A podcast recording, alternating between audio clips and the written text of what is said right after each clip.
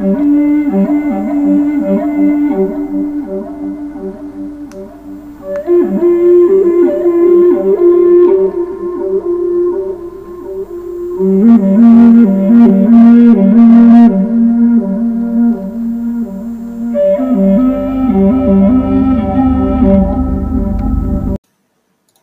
datang di. Podcast itu adalah podcast yang ngomongin tentang anime, film, serial TV, barat, Asia, Indonesia, apa pun itu, dan juga game.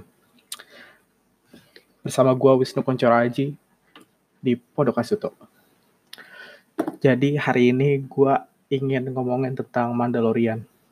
Mandalorian itu serial TV spin-off-nya Star Wars yang didistribusikan, ya elah distribusikan, yang dibuat original seriesnya bukan Netflix tapi Disney Plus. Jadi baru keluar kalau nggak salah November, pertengahan November kemarin. Cuma 8 episode, satu episode itu 30 sampai 40 menitan. Ada episode terakhir itu 45 menitan. Dan aduh, bagus lah ya apalagi kalau dibandingin sama The Rise of Skywalker yang baru baru ini keluar ini jauh lebih bagus. Kalau dibandingin sama The Witcher ini juga lebih bagus dari The Witcher. Gue udah nontonin dari awal sampai akhir. Dari awal pertama kali keluar di pertengahan November. Jadi gue bacain dulu sinopsisnya. Uh, after the stories of Django and Boba Fett jadi setelah adanya cerita ah adanya cerita. Setelah cerita yang cerita tentang Django dan Boba Fett another warriors emerge in the Star Wars universe universe. Datanglah seorang pejuang baru di Star Wars di dunia Star Wars. Jadi The Mandalorian ini uh, diceritakannya itu setelah keruntuhan bukan keruntuhan ya jatuhnya. Apa ya? Runtuhnya sih benar. Runtuhnya uh, Empire. Dan sebelum munculnya The First Order. Jadi diceritakannya ini ada seorang bounty hunter yang berada jauh, pokoknya di galaksi yang jauh banget. Dan galaksi ini, tempat dia planetnya berada ini, berada di luar kekuasaan dari New Republic, kayak gitu. Jadi di situ banyak, banyak apa ya? Banyak kejahatan lah official name-nya itu Star Wars The Mandalorian. Dan eksekutif produsernya tuh John Favreau yang sutradarain Iron Man yang jadi Happy Hogan di Iron Man dan Spider-Man. Dia kan udah berhasil tuh ngebawa Iron Man menjadi salah satu superhero terbaik di dunia pada saat ini. Termahal juga. Dan sekarang menurut gue dia berhasil ngebawa Mandalorian menjadi lebih baik selain dia eksekutif produser dia juga writernya penulisnya dan kerasa banget dia nulis 7 episode kecuali episode 5 dan 7 episode itu eh enggak 6 episode kalau nggak salah. Ada dua episode yang nggak ditulis. Pokoknya ada lah yang nggak ditulis sama dia. Dan itu kerasa banget. Salah satunya episode 5 episode 5 tuh nggak ditulis sama dia. Sisanya ditulis sama dia. Sutradaranya juga banyak. Jadi tiap tiap episode tuh beda-beda sutradaranya. Cuma yang paling gue suka adalah episode uh, 8 yang disutradarain sama Taika Waititi. Mantap, mantap, mantap jiwa. Jadi tuh, oke, okay, gue kasih tau dulu, dulu ya, uh, apa namanya, latar belakang dari Mandalorian ini. Jadi Mandalorian itu bukanlah sebuah ras, tapi sebuah kaum. Kayak apa ya? Kayak creed, sesuatu yang dipercayai gitu, kepercayaan Nah, jadi karena ini sebuah kepercayaan, karena ini bukan sebuah ras, karena ini sebuah budaya, sebuah kultur, itu nggak bisa hilang harusnya. Nih, gue ambil quotes-nya dari uh, dari bukan dari filmnya sih, dari dari Star Wars-nya pokoknya lah. Here's why you cannot exterminate us. We are not huddled in one place. We span the galaxy. We need no lords or leaders. So you cannot destroy our command. We can live without technology, so we can fight with our bare hands. We have no species or bloodline, so we can rebuild our ranks with others who want to join us. We are more than just a people or an army. We are a culture. We are an idea. And you cannot kill idea, but we certainly can kill you. Itu kata salah satu Mandalorian pas lagi perang lah intinya. Jadi tuh emang mereka tuh bukan ras. Semua orang tuh bisa ikutan. Jadi yang pertama kali dibuat itu Mandalorian itu oleh Tang Warrior. Tangnya itu bukan bukan lidah. Uh, nah, di zaman dulu itu para Mandalorian ini hidup sama warga setempat gitulah. Pokoknya mereka spesiesnya alien bukan manusia deh. Aliennya humanoid tapi mukanya nggak manusia. Gimana sih? Gak tau lah. Kalian cari aja sendiri. Nah, di situ tuh si uh, siapa namanya? Si Mandalorian. Mandalorian ini tahu bahwa mereka tuh harus perang sama native sama orang asli planet yang dia tempatin pada saat itu. Jadi mereka perang tuh dan mereka hampir berhasil. Terus-terusan menekan, tapi karena jumlah mereka sedikit, akhirnya mereka terpaksa mundur. Nah, kenapa harus perang selain memperebutkan wilayah? Mereka tuh juga kan dibilang tadi kan kultur ya. Mereka tuh punya tiga dewa. Nah, salah satu dewanya ini itu tuh dewa perang. Jadi tuh mereka sering banget perang. Oke, balik lagi ke tempat tadi akhirnya mereka terpukul mundur, terpukul mundur, dan mereka pindahlah ke planet lain. Ada dua fraksi. Satu fraksi entah ke mana, satunya lagi ke planet namanya Mandalore. Nah ini planetnya, ibaratnya originnya dia lah ceritanya ya. Jadi yang ini udah canon, yang tadi tuh masih Legends. Nah akhirnya di Mandalore ini, mereka berkembang biak, ya elah, apaan ya. Pokoknya mereka tinggal di situ deh. Terus masalahnya di Mandalore ini, udah ada penghuninya, tapi bukan manusia. Yaitu hewan. Hewannya namanya Mythosaur. Mythosaur ini akhirnya bisa dikalahin. Walaupun tuh dia apa ya, kuat banget gitu.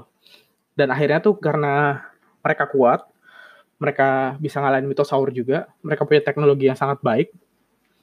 Pokoknya ada banyak hewan juga di situ yang akhirnya extinct gara-gara mereka, gara-gara suka perang juga. Dan ada satu lagi Beskar Beskar itu logam khusus, logam mulia khusus yang cuma ada di Mandalore. Nah, Beskar ini juga salah satu yang nyebabin kenapa Mandalorian ini sekarang jumlahnya sedikit. Lanjut dulu bentar. Nanti kita ke sana. Jadi mitosaurnya ini udah dikalahin nih ceritanya sama The First Mandalorian. Nah, The First Mandalorian ini, para Mandalorian ini berhasil ngalahin mitosaur dan ngejadiin sisa-sisa dari tulang uh, mitosaurnya itu dipajang gitulah. Terus uh, bentuk mukanya dijadiin signet. Jadiin stempel, jadiin cap di apa? Di kanan atau di kiri bahu. Ditaruh di armornya mereka. Mereka tuh punya banyak apa ya? Kultur. Salah satunya nggak boleh kan mereka ini nih kalau kalian tahu Mandalorian, kalian mungkin bakalan ingatnya Boba Fett sama Jango Fett. Nah, mereka tuh nggak pernah terutama Boba Fett kan ya nggak pernah lepasin helm. Kenapa? Karena emang di kulturnya tuh mereka nggak boleh lepasin helm. Kalau mereka udah dikasih helm dan udah pakai helmnya, mereka udah nggak boleh ngeliatin, nunjukin lagi mukanya ke orang lain. Nggak boleh nunjukin lagi mukanya ke orang lain. Kalau misalnya nunjukin lagi mukanya ke orang lain, helm dilepas dan nunjukin mukanya ke orang lain, dia udah nggak boleh lagi pakai helm tersebut. Ceritanya kayak gitu. Nah, udah.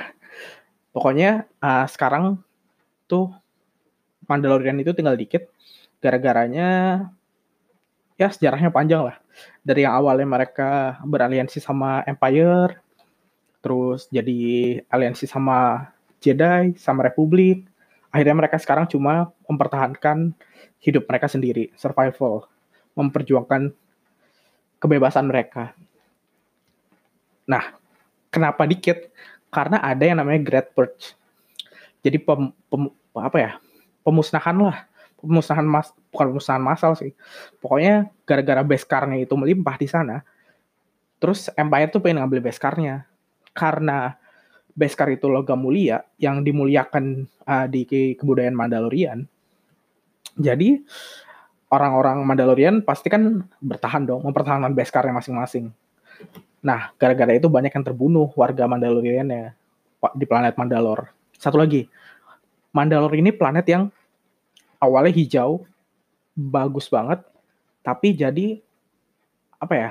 Tidak ramah karena perang, karena perang terus-terusan, terus planet jadi nggak ramah. Akhirnya mereka terpaksa hidup di dalam kubah, city-nya, city lagi. Kotanya itu berbentuk kubah, jadi dibentuk kubah gitu, dalamnya ada kota untuk melindungi mereka dari uh, dunianya yang udah tidak ramah lagi. Makanya tuh jangan perang. Oke, itu backstory-nya. Gue lanjut ke filmnya ini. Jadi tadi udah gue bilangin bahwa filmnya ini berada kira-kira ya mungkin empat tahun atau lima tahun setelah perang uh, Battle of Battle of apa ya? Battle of Endor kalau nggak salah deh. Battle of Endor ya. Nah, setelah itu muncullah seorang bounty hunter yang terkenal. Dia awalnya kita nggak tahu namanya siapa, tapi nanti di reveal namanya dan mukanya di episode 8. Awalnya nggak tahu namanya siapa, dipanggilnya Mando doang. Dia seorang Mandalorian, tapi dia nggak punya jetpack. Tapi dia sangat skillful. Nah, di episode 1, si Mandalorian ini, yang diperankan oleh Pedro Pascal ini, dia dikasih tugas. Dikasih tugas sama si uh, siapa ya namanya?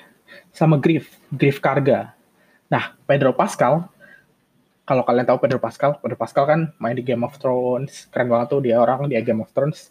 Bahkan di Game of Thrones tuh, gue pingin kalau bisa tuh dia hidup aja gitu. Gak usah mati, keren banget soalnya. Begitu skill banget lagi, skillful banget lagi. Nah, jadi si Mandalorian ditugasin sama Griff Karga buat nyari bounty. Terus pas sudah balik, dia nyari kerjaan lagi si Mandalorian ya. Terus disaranin buat ke kliennya dia. Ternyata pas ditemuin sama si Mandalorian, kliennya ini adalah seorang mantan Empire, mantan officernya Empire, kayak gitulah, mantan komandernya mungkin ya. Nah, nggak ada namanya juga kalau kalian lihat di IMDb, nggak disebutin namanya siapa, nama orangnya ini, kliennya ini. Tapi ada mukanya. Nah, dia disuruh retrieve aset, suruh uh, mengambil, menyelamatkan sesuatu. Nah, sesuatunya ini ternyata orang dia bilang tuh jangan sampai mati ya. Terus ditanya umurnya berapa? Umurnya 50 tahun. Oh, asumsi kan 50 tahun kan udah tua dong. Udah ya orang penting lah ceritanya. Mungkin kan harusnya kayak gitu. Terus akhirnya dia uh, mau coba menyelamatkan, udah di tempatnya, udah ngerait tempatnya tuh udah banyak banget yang jagain berhasil dikalahin semua dia ngalahinnya berdua sama satu lagi robot namanya IG-11 IG-11 ini pengisi suaranya si Taika Waititi. Dan IG-11 ini keren banget karena dia bisa nembak 360 derajat. Jadi dia bisa muterin badannya tangannya bawa dua blaster dan tembakannya akurat. Tapi dia disuruhnya itu bukan menyelamatkan si asetnya ini tapi ngebunuh si asetnya ini. Dan pas udah di ruangannya pas mau dibunuh sama IG-11 yang udah diprogram untuk ngebunuh uh, asetnya ini dibunuh tuh si IG-11 sama si uh, Pedro Pascal. Akhirnya Pedro Pascal uh, da dapetin kenapa dibunuh? Karena ternyata asetnya ini bukan orang umur 50 tahun. Eh bukan orang 50 tahun bukan orang udah tua tapi masih bayi.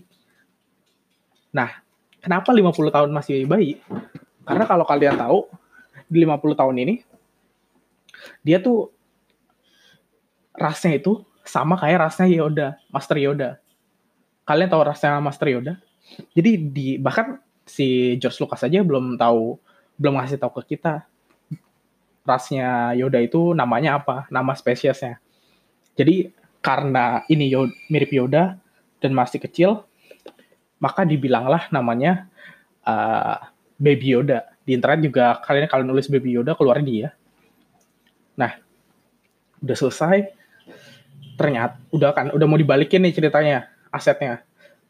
Terus si Mandalorian itu agak ragu gitu mau balikin, mau ngasih ke Empire. Akhirnya di jalanan tuh pokoknya perjalanan terus-terusan akhirnya dia diselamatin.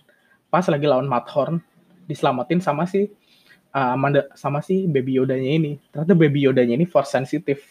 Dia bisa uh, bisa apa ya ngeluarin bisa mengendalikan force. Kayak gitulah.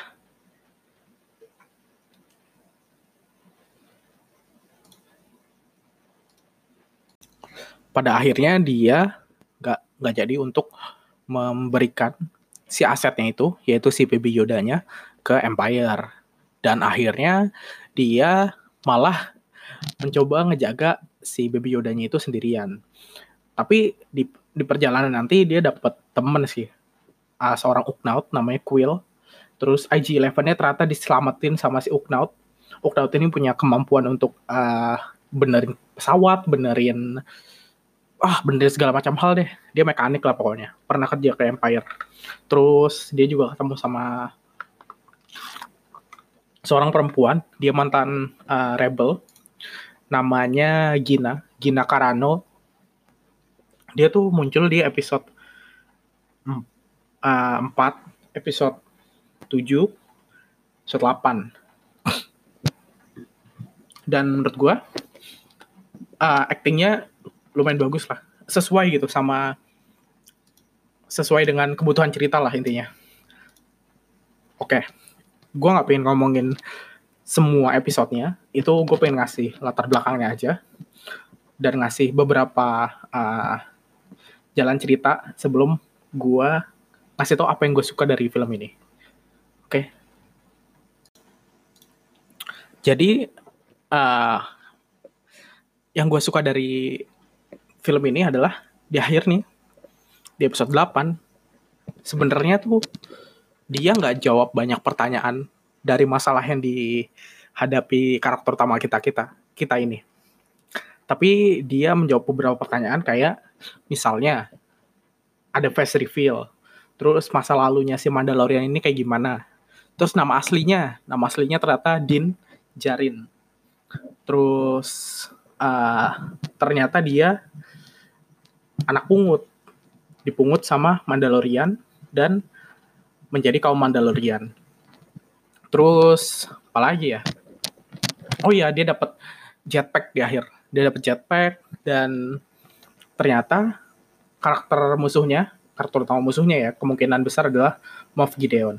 Dan Moff Gideon ini dia punya dark saber. Wah gila. Dark saber ini pedang hitam yang dimiliki Moff Gideon di akhir episode 8 yang buat dia yang dia pakai buat motong motong TIE fighter, TIE fighter nama pesawatnya buat keluar dari pesawatnya, dari puing pesawatnya. Nah, Dark Saber ini sebenarnya tuh kepemilikannya itu oleh bangsa Mandalorian, oleh kaum Mandalorian. Dark Saber ini sebenarnya dimilikinya pertama kali oleh Tare Vizsla. Tare Vizsla ini dia adalah seorang Mandalorian pertama yang berhasil, bukan berhasil, yang uh, dilantik sebagai Jedi. Jadi dia masuk ke Jedi Order. Dan dia ngebuat Dark Saber. Setelah dia ngebuat Dark Saber, yang menurut gue keren banget Dark Sabernya. Uh, Dark Sabernya ditaruh di tempelnya dia. Temple of Vizsla kalau nggak salah. Uh, di jadi kepemilikannya oleh House Vizsla. House Vizsla tuh kayak nama keluarga ya berarti. Terus jadi ini Dark Saber ini pemiliknya setelah dia salah satu adalah Darth Maul. Kenapa?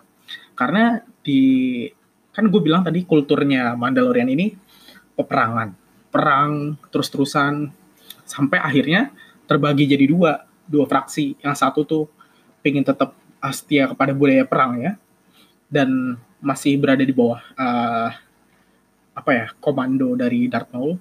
Itu waktu di filmnya ya sekarang udah enggak dan satu lagi uh, jadi pasifis. Orangnya nggak mau bertarung nggak mau bertengkar nggak mau bunuh-bunuhan kayak gitulah dan dia dipimpin oleh siapa namanya ya? Kirz Kirz kalau nggak salah. Aduh lupa lagu namanya. Pokoknya perempuan. Dia uh, akhirnya berhasil dapetin lagi Dark Saber. Dikasih sama seseorang lah itu ya. Setelah Darth Maul-nya dibunuh oleh uh, Darth Sidious. Nah, kerennya lagi menurut gue adalah Dark Saber ini karena kepemilikan Mandalore, dia tuh menyatukan para Mandalorian lainnya.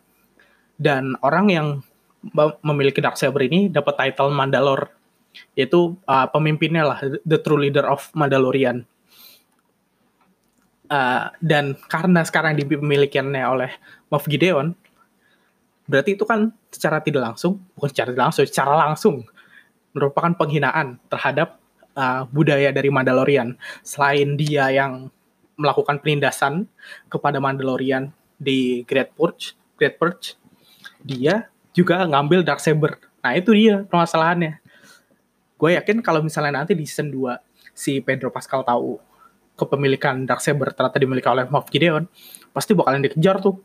Kayak waktu dapetin da Beskar. Waduh, mantap deh. Terus di episode 8 lagi, apa ya, selain masa lalu, selain face reveal, oh ya, itu kan yang udah dikasih tahu.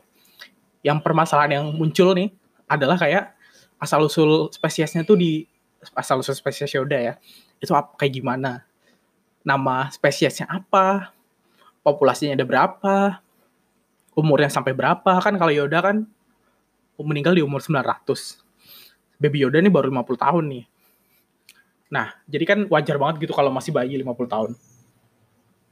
Terus apa lagi ya tinggalnya di mana terus budayanya kayak gimana kenapa mereka semua bisa sensitif terhadap force bisa ngendalin force gitulah.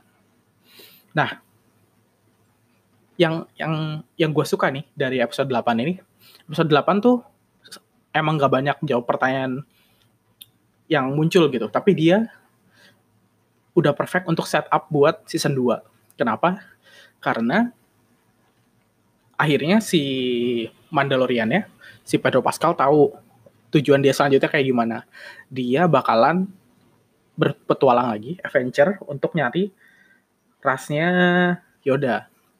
Soalnya kan secara official si Baby Yoda ini jadi foundlingnya mereka, jadi foundlingnya si Mandalorian dan mereka tuh terbentuklah sebuah clan, clan baru. Uh, clannya isinya dua orang doang, baru si Pedro Pascal sama si Baby Yoda. Uh, clannya itu bentuknya, nah, bentuk signetnya ya adalah bentuk Mathorn Mathorn yang dikalahin sama si Baby Yoda. Karena dia uh, off foundlingnya salah satu foundling Mandalorian, dia secara apa ya, secara bisa dibilang adalah anak dari si Pedro Pascal dan Pedro Pascal itu bapaknya dari si ayahnya dari si Baby Yoda. Nah, karena Baby Yoda yang udah 50 tahun aja masih sebayi kayak gitu, dan nggak bisa diajarin kan untuk berpedang kalau masih sekecil itu. Jadi pilihan yang paling make sense ya nyari ras dia yang lain untuk dikasih ke uh, ras dia yang lain. Terus nyari tahu tempat tinggalnya asal usulnya Baby Yoda. Kalau misalnya emang masih ada planetnya ya bagus kan. Mereka bisa dia bisa dititipin di situ sampai tua. Soalnya kalau dipikir-pikir si Pedro Pascal ini kan mungkin 30 tahunan ya di film ini, 30 atau 40 tahunan. 20 sampai 40 lah kalau masih muda banget ya. Nah, si Pedro Pascal ini kalau dia manusia, dia kan manusia. Jadi dia umurnya nggak mungkin sampai 500 tahun. Paling mentok-mentok mungkin 100 tahun. 100 tahun tapi udah nggak bisa ngapa-ngapain kan. Dan mungkin pas udah 100 tahun, si Baby Yoda-nya mungkin baru 70 uh, 100 tahunan juga, 120 tahun mungkin. Karena uh, kalau beda kalau Pedro Pascal 30 dan Baby Yoda-nya 50, berarti kan beda 20 tahun. Nah, kalau udah 120 tahun, berarti mungkin dia belum dewasa, masih anak-anak. Mungkin udah bisa diajarin. Tapi kan si Pedro Pascal udah terlanjur tua duluan. Nanti kalau udah tua dan mati, siapa yang jagain? Kan gak ada. Jadi emang pilihan paling make sense tuh berkeliling galaksi untuk nyari tahu ininya. Tapi dan menurut gue ya, nanti bakalan dikasih tahu sih homeworldnya di mana, home planetnya di mana, terus nama spesiesnya apa, budayanya kayak gimana, populasinya seberapa banyak, kenapa mereka bisa force sensitif semua, kayak gitu-gitulah. Jadi itu itu episode 8 ya, berhasil men-set up season 2 dengan sangat baik. Dan jadi episode 8 ini yang uh, apa sih sebutannya? Yang uh, sutradarain, sutradarain itu Taika Waititi. Dan di episode 8 ini kalian tuh pas nonton bakalan ngerasain lawakan khas Taika Waititi. pas lagi stormtroopernya ngobrol berdua tuh jagain apa baby Yoda yang udah dicuri itu lucu banget sih bagi gue ya karena uh, unik gitu dan di situ juga agak satir gitu dia kan latihan nembak. Latihan nembak stormtroopernya. Nembak apa gitu nggak jelas lah. Tapi nggak kena kena itu tuh kayaknya ini sih sindiran sih buat film-film sebelumnya. Soalnya film-film sebelumnya tuh juga stormtrooper tuh nembak walaupun ada 100 orang nggak ada yang kena juga. Sia-sia.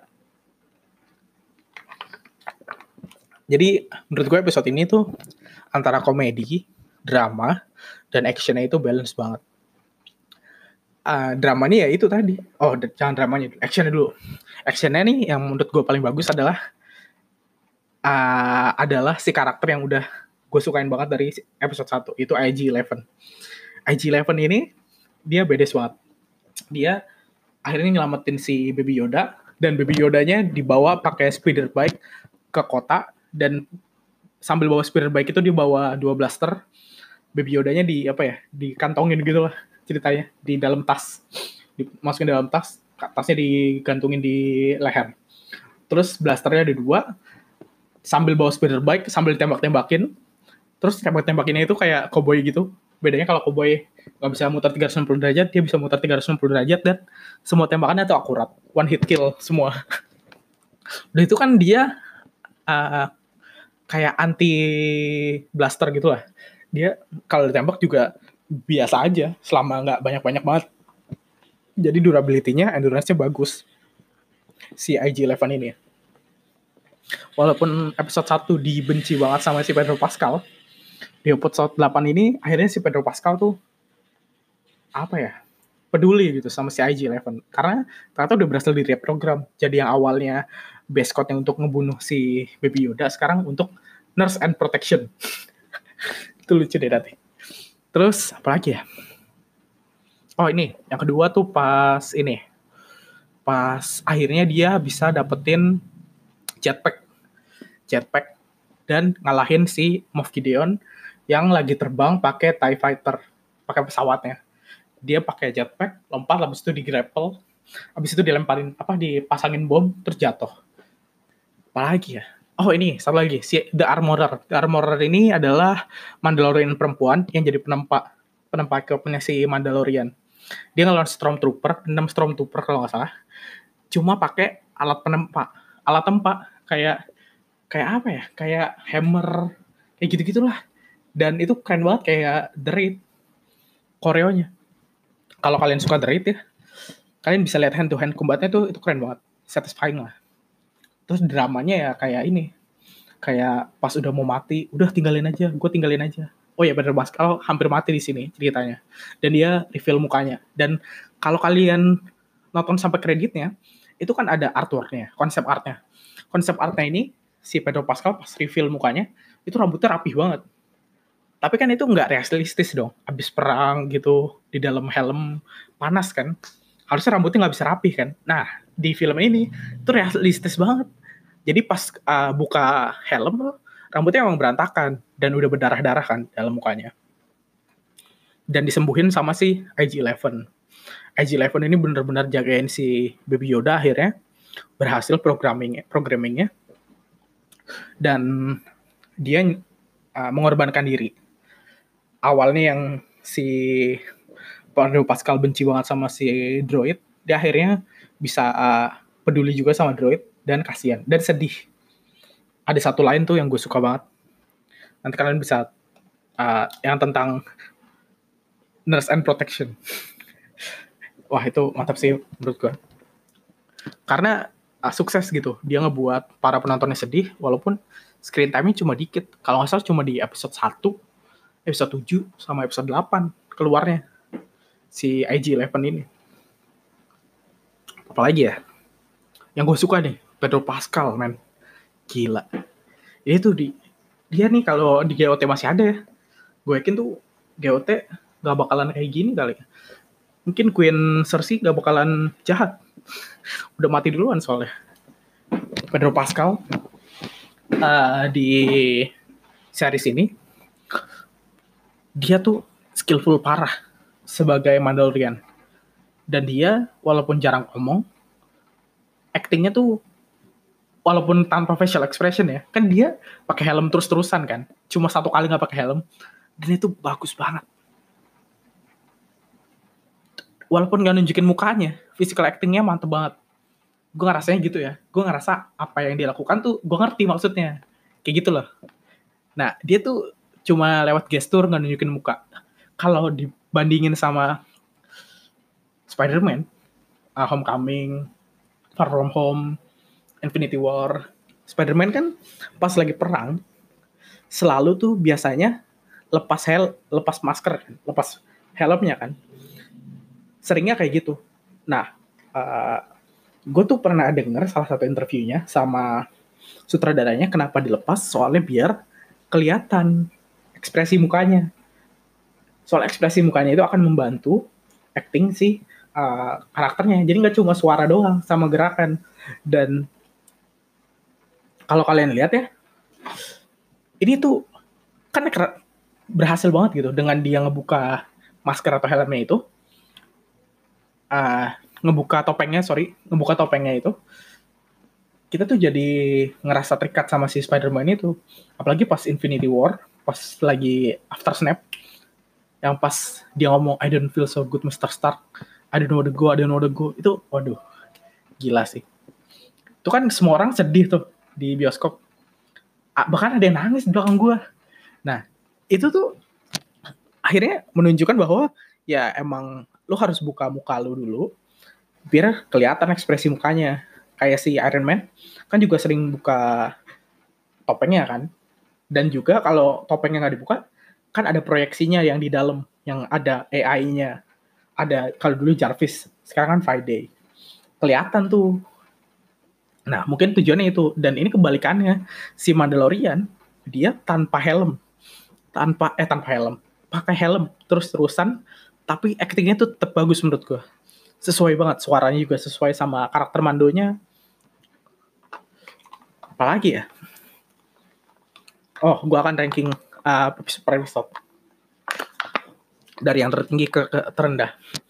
Paling bagus menurut gue episode 8. Habis itu episode 7 episode 3, episode 6, episode 2, episode 1. Yang paling jelek itu episode 4 sama 5.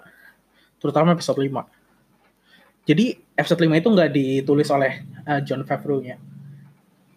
Dan hasilnya kayak gitu. Menurut gue gak guna banget sih untuk fillernya. Gak jelas banget juga. Kayak jauh banget gitu. Sebenarnya jauh gak apa-apa. Selama kalau emang jauh dan uh, dia punya dunia sendiri, ya emang udah harus bagus gitu. Kalau udah jauh dari main story-nya uh, ngebuat apa ya bola sendiri gitu jadi aneh gitu. Tak kenapa ya. Overall ya menurut gue ini amazing season. Season pertama itu bagus banget gue good start bagi sebuah TV series. Dan selain actingnya ya kan si siapa namanya? Si guildnya ketua guildnya ngasih itu. Si siapa ya namanya pokoknya yang meranin si Carl Weathers yang main di Rocky. Rocky Balboa bukan Rocky Gerung. Yang main ini loh Apollo Creed. Nah itu. Itu juga bagus tuh. Sempet lawak juga lagi. Dia tuh emang emang sesuai gitu. Ya emang ketua guild harus kayak gitu harus menghormati apa namanya kode guild code-nya dan peraturan guildnya dan apa ya oh gitu. Jadi intinya amazing season good start. Penggunaan CGI-nya on point karena mereka dananya pasti terbatas kan budgetnya. Makanya itu mungkin 30 menit 30 menit doang. Dan tapi ah, nggak uh, kelihatan jelek gitu malah bagus banget menurut gua. Terus openingnya juga catchy banget. Pas lagi Mandaloriannya datang, ada suaranya. Terutama suara serulingnya itu, oh itu bagus banget. Kalau kalian uh, denger dengar mirip-mirip kayak Black Panther, emang itu komposernya sama kayak komposernya Black Panther yang bikin lagu uh, op opening lagi, op tim songnya Mandalorian. Menurut gue ratingnya nih 9 lah, 9 setengah lah. Mantep lah. Gue tuh pingin banget ada season 2-nya dan kalau bisa satu episode episodenya itu 30 menit dan terdiri dari 10 sampai 12 episode. Moga-moga terjadi. Tapi kan karena ini futuristik banget, jadi kemungkinan nggak bakalan ya tergantung Disney lah ya. karena gue nggak bisa ngasih dana kan, gue cuma review doang dan nonton doang. Kalau dipikir-pikir ya, ini tuh kayak John Wick loh ya. Kalau John Wick di masa lalu itu Geralt of Rivia dari The Witcher, John Wick di masa sekarang ya John Wick. Si ah kok gue lupa sih namanya siapa? John Wick kita cari. Kalau John Wick yang sekarang ya si Keanu Reeves Keanu Reeves. Nah John Wick di masa depan ya itu tuh Pedro Pascal Mandalorian. Tiga-tiganya sama-sama bounty hunter. Sama-sama punya moral code yang baik yang di masa depan sama masa lalu sama-sama punya anak yang dijagain. Si Geralt jagain uh, Siri. Kalau si Mando jagain Baby Yoda. Cuma John Wick yang zaman sekarang doang yang ngebunuhnya gara-gara anjing. Gara-gara anjingnya dibunuh. Kasian banget emang. Ya udahlah sampai sini aja. Gue mengutip dari kata-kata frasa terkenal dari kultur Mandalorian. Gue undur diri dari episode ini. This is the way